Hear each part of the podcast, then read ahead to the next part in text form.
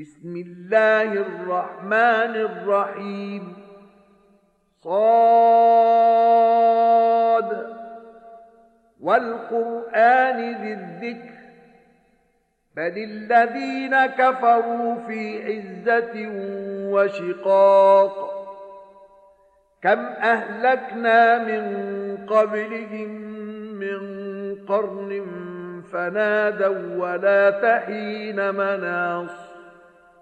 وعجبوا أن جاءهم منذر منهم وقال الكافرون هذا ساحر كذاب أجعل الآلهة إلها واحدا إن هذا لشيء عجاب 奉至仁至慈的安拉之名，萨德，指著名的《古兰经》发誓，不然，不信教者是妄自尊大、违背真理的。在他们之前，我曾毁灭了许多世代，他们呼号，但逃亡的时机已逝去了。他们惊讶，因为他们本族中的警告者来临。他们不信教的人们说：“这是一个术士，是一个说谎者。难道他要将许多神灵变成一个神灵吗？这却是一件怪事。” وانطلق الملأ منهم أن امشوا واصبروا على آلهتكم إن هذا لشيء يراد. ما سمعنا بهذا في الملة الآخرة إن هذا إلا اختلاق. أأنزل عليه الذكر من بيننا؟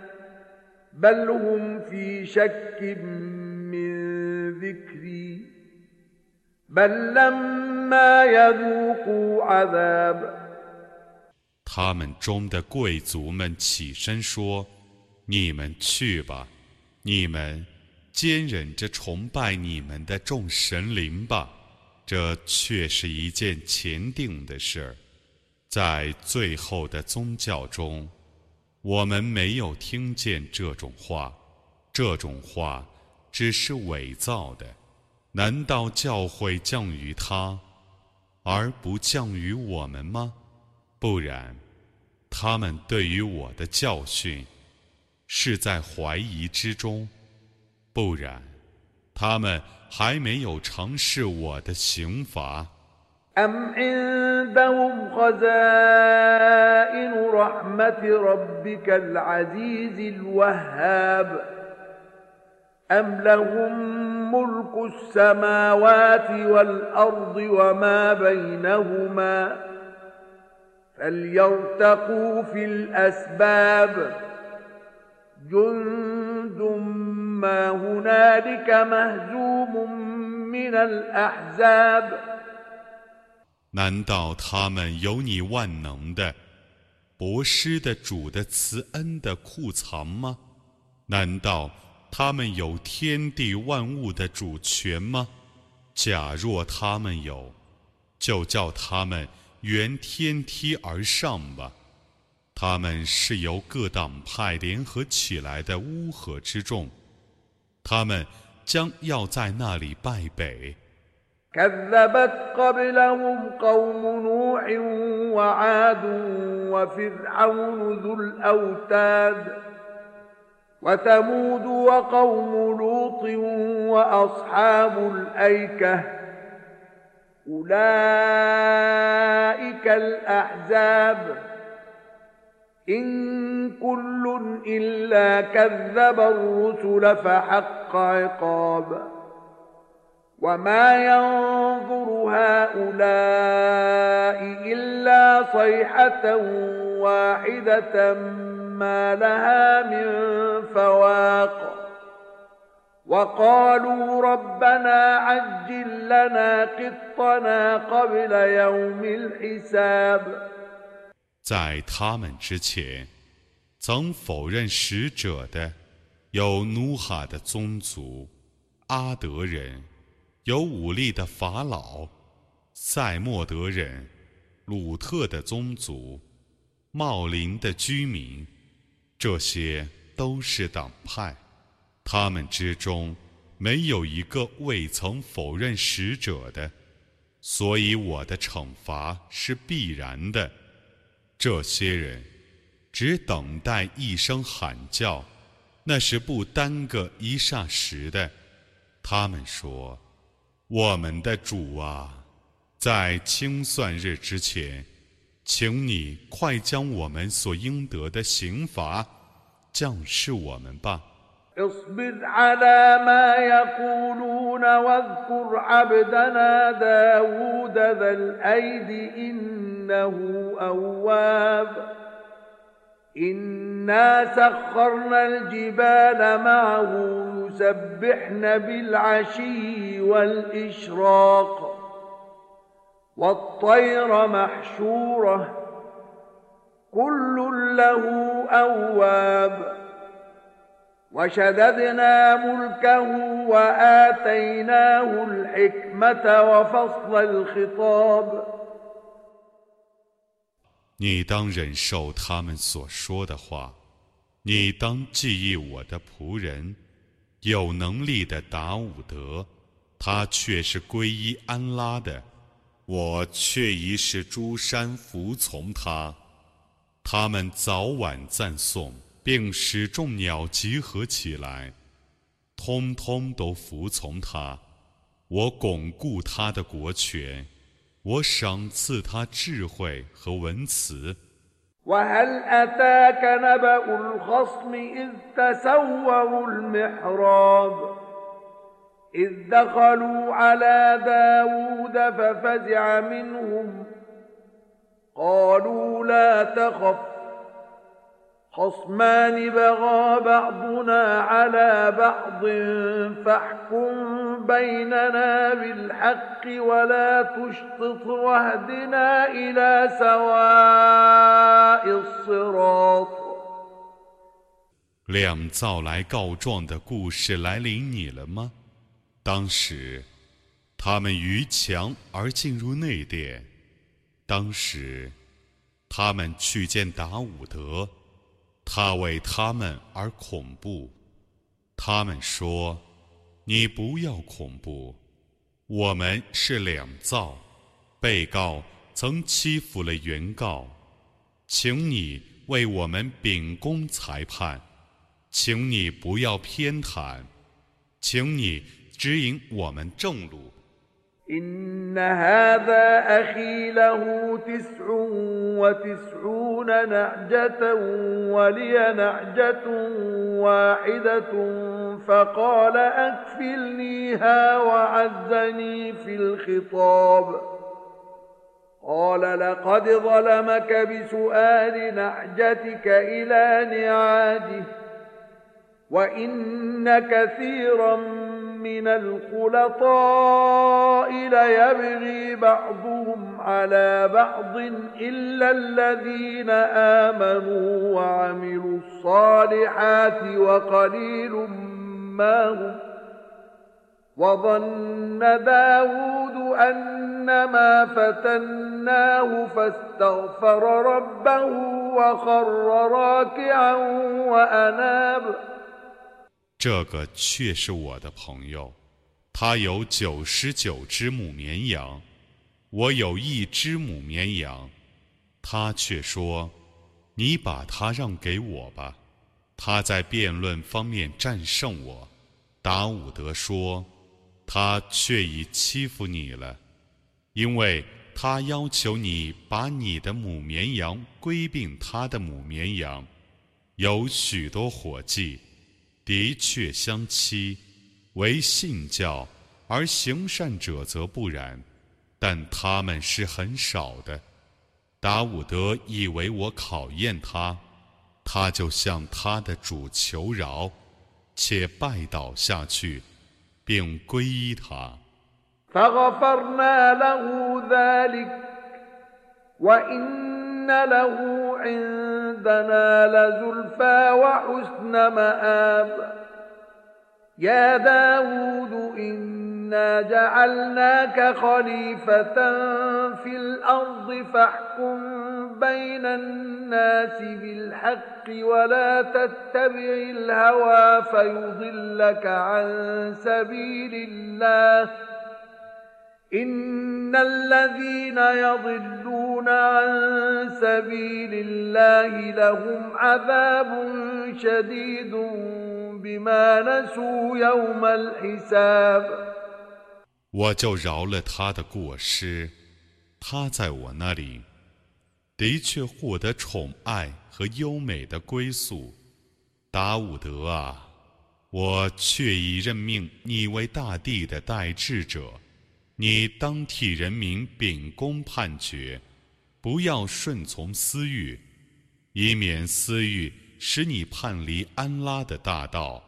叛离安拉的大道者，将因忘却清算之日而受严厉的刑罚。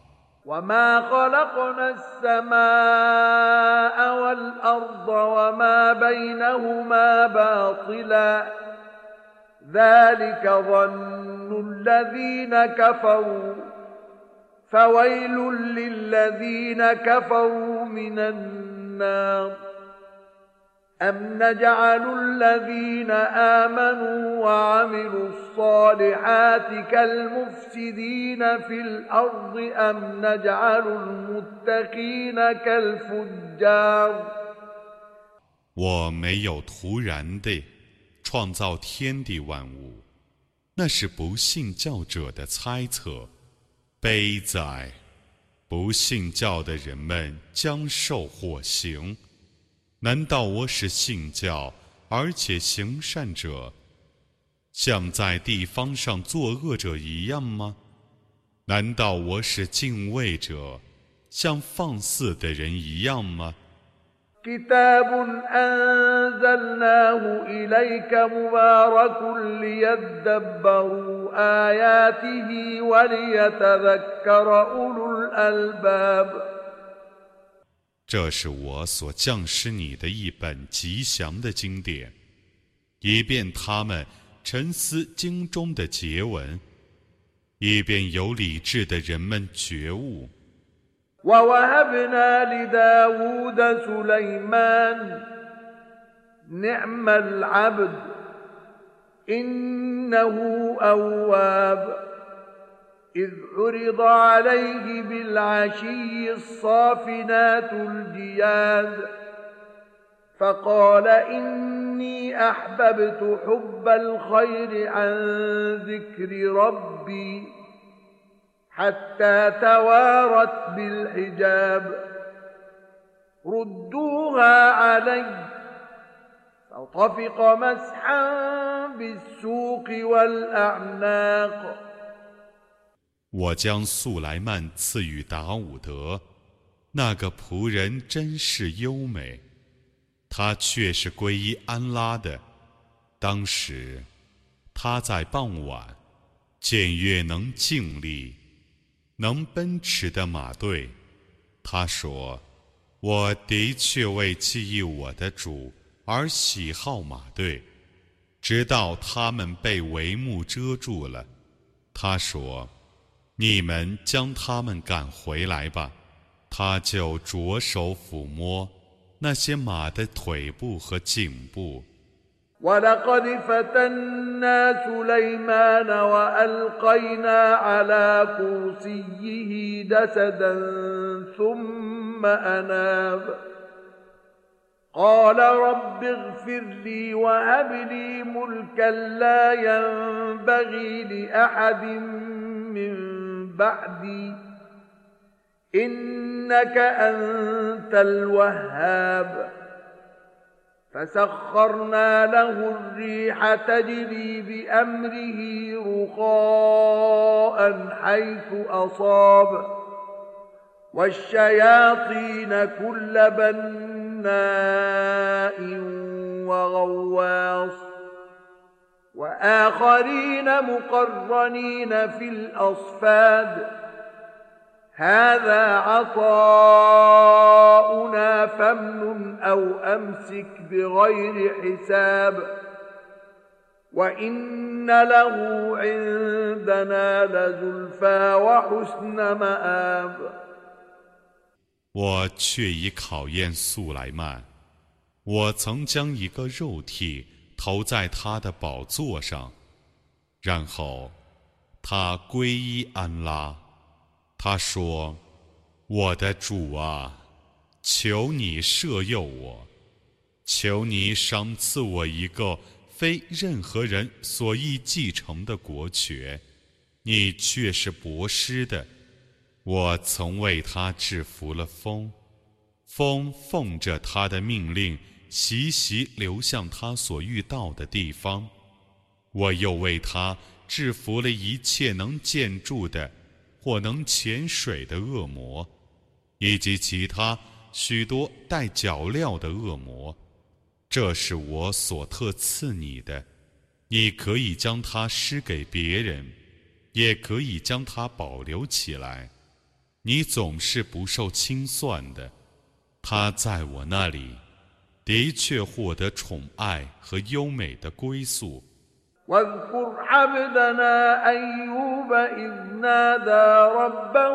أني مسني الشيطان بنصب وعذاب. اركض برجلك. هذا مغتسل بارد وشراب. ووهبنا له أهله ومثلهم معهم رحمة منا وذكرى لأولي الألباب. وخذ بيدك ضغثا فاضرب به ولا تحنث إنا وجدناه صابرا نعم العبد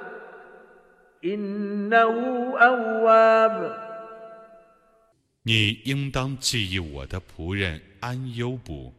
当时，他祈祷他的主说：“ 恶魔却已使我遭受辛苦和刑罚。你用脚踏地吧，这是可用以沐浴和可用作饮料的凉水。我曾以他的眷属。”和向他们的同齐赏赐他，那是由我降下的慈恩，也是由于教会有理智的人们。你当亲手拿一把草，用它去打一下。你不要违背誓约，我却已发现他是坚忍的。那仆人真优美，他却是皈依安拉的。واذكر عبادنا إبراهيم وإسحاق ويعقوب أولي الأيدي والأبصار إنا أخلصناهم بخالصة ذكر الدار وإنهم عندنا لمن المصطفين الأخيار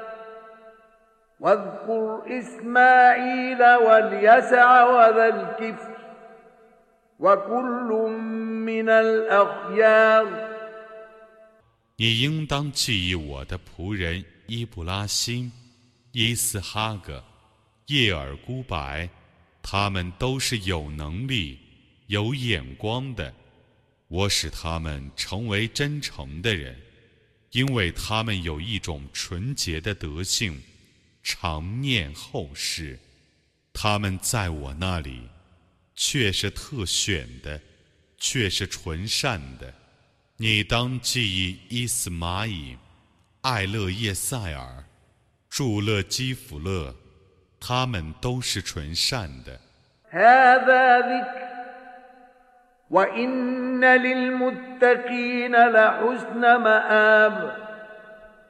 جنات عدن مفتحة لهم الأبواب متكئين فيها يدعون فيها بفاكهة كثيرة وشراب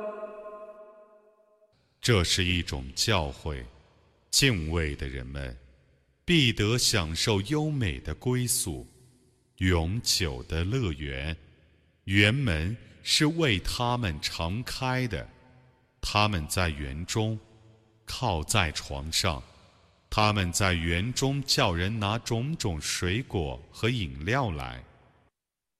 وعندهم قاصرات الطرف أتراب هذا ما توعدون ليوم الحساب إن هذا لرزقنا ما له من نفاذ 他们有不是非礼的 童年的伴侣，这是应许你们在清算日之后的享受的。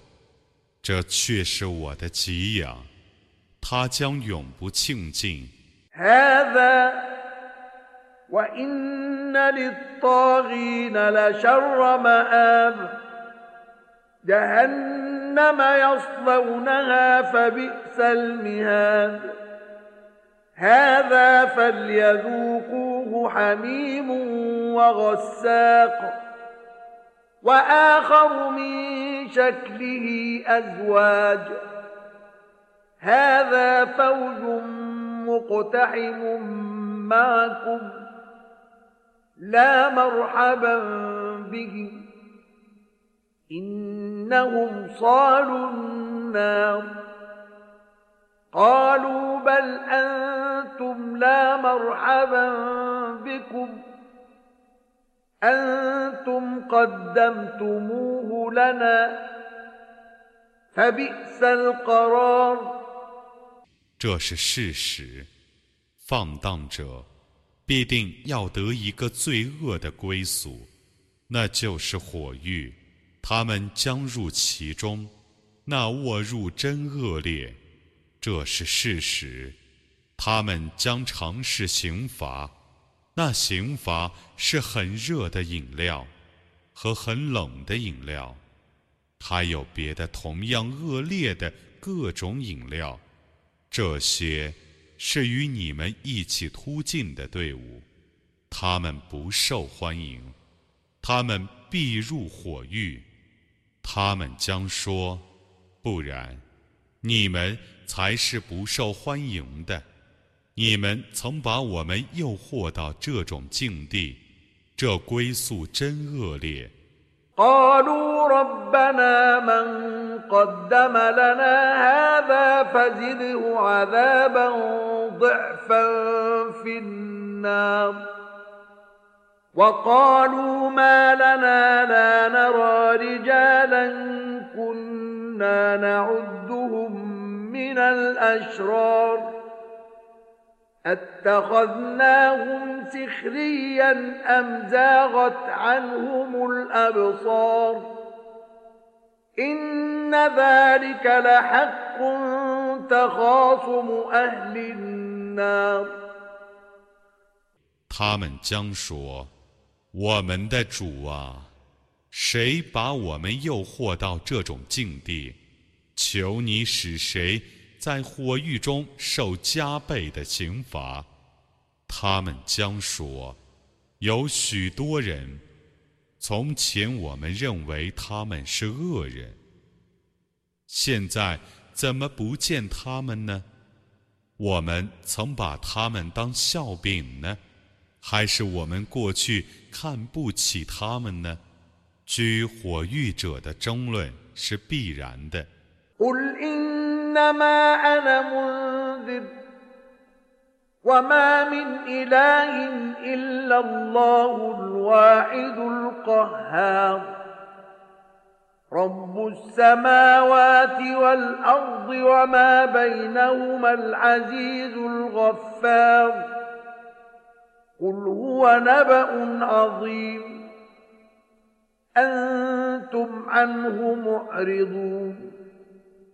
ما كان لي من علم بالملأ الأعلى إذ يختصمون إن يوحى إلي إلا أنما أنا نذير مبين 你说， 我只是一个警告者，除独一至尊的安拉外，绝无应受崇拜的。 他是天地万物的主，他是万能的、至赦的。你说，那是一个重大的消息，你们却离弃他。当上界的众天神争论的时候，我不知道他们的情形。我只奉到启示说，我是一个坦率的警告者。إذ قال ربك للملائكة إني خالق بشرا من طين فإذا سويته ونفخت فيه من روحي فقعوا له ساجدين. فسجد الملائكة كلهم أجمعون. إلا إبليس استكبر وكان من الكافرين 当时，你的主曾对众天神说：“我必定要用泥创造一个人。当我把他造出来。”并将我的精神吹入他的体内的时候，你们当为他倒身叩头， 众天神全体一同叩头，唯伊布利斯自大，他原是不信教者。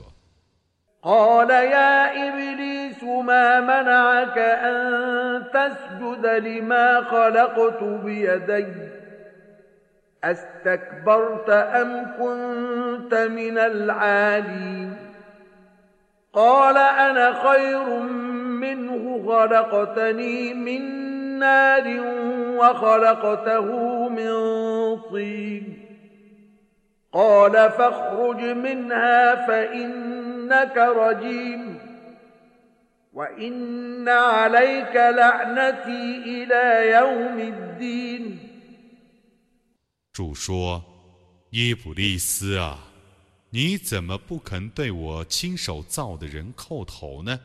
你自大呢， 还是你本是高尚的呢？”他说：“我比他高贵。